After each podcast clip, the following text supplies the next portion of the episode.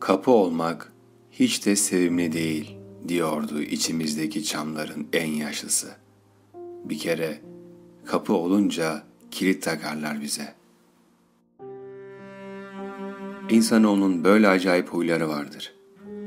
Evet, gözümüzün yaşına bile bakmadan kilit takarlar. Kilit ne demektir bilir misiniz? Ne demektir? Ben size söyleyeyim. Kilit, insanın utancı demektir her şeyden önce. İnsanoğlunun nereye ulaştığının göstergesi demektir.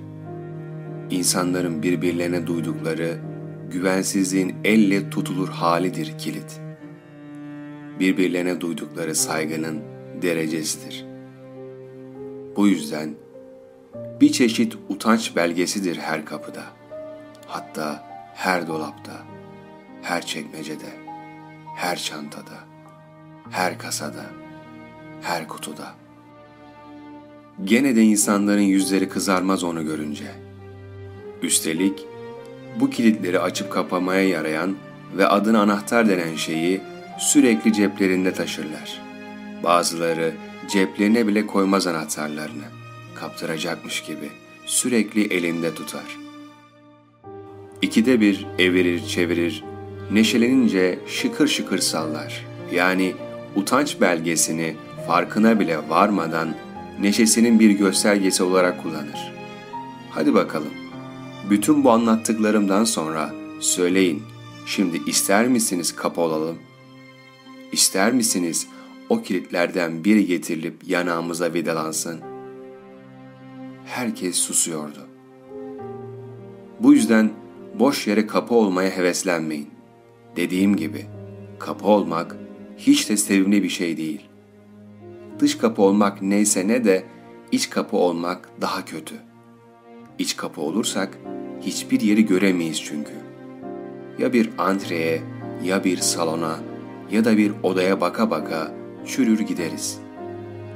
Herkes susuyordu gene. En iyisi pencere olmak, diyordu Çam. Bu durumda inanın bana en iyisi pencere olmak. Çünkü her pencere bir yanıyla içeriye bakıyorsa bir yanıyla da dışarıya bakar. Hiçbir şey göremese bile en azından gökyüzünü görür yani. Kuşları, bulutları, ufukları, yıldızları, yağmurları ya da kar taneciklerini görür. Sokakları görür sonra. Sokaktan gelip geçen insanları ve bu insanların ayak seslerini görür. Kısacası dünyanın her yerinde pencerelerin gönlü kapılarınkinden daha zengindir.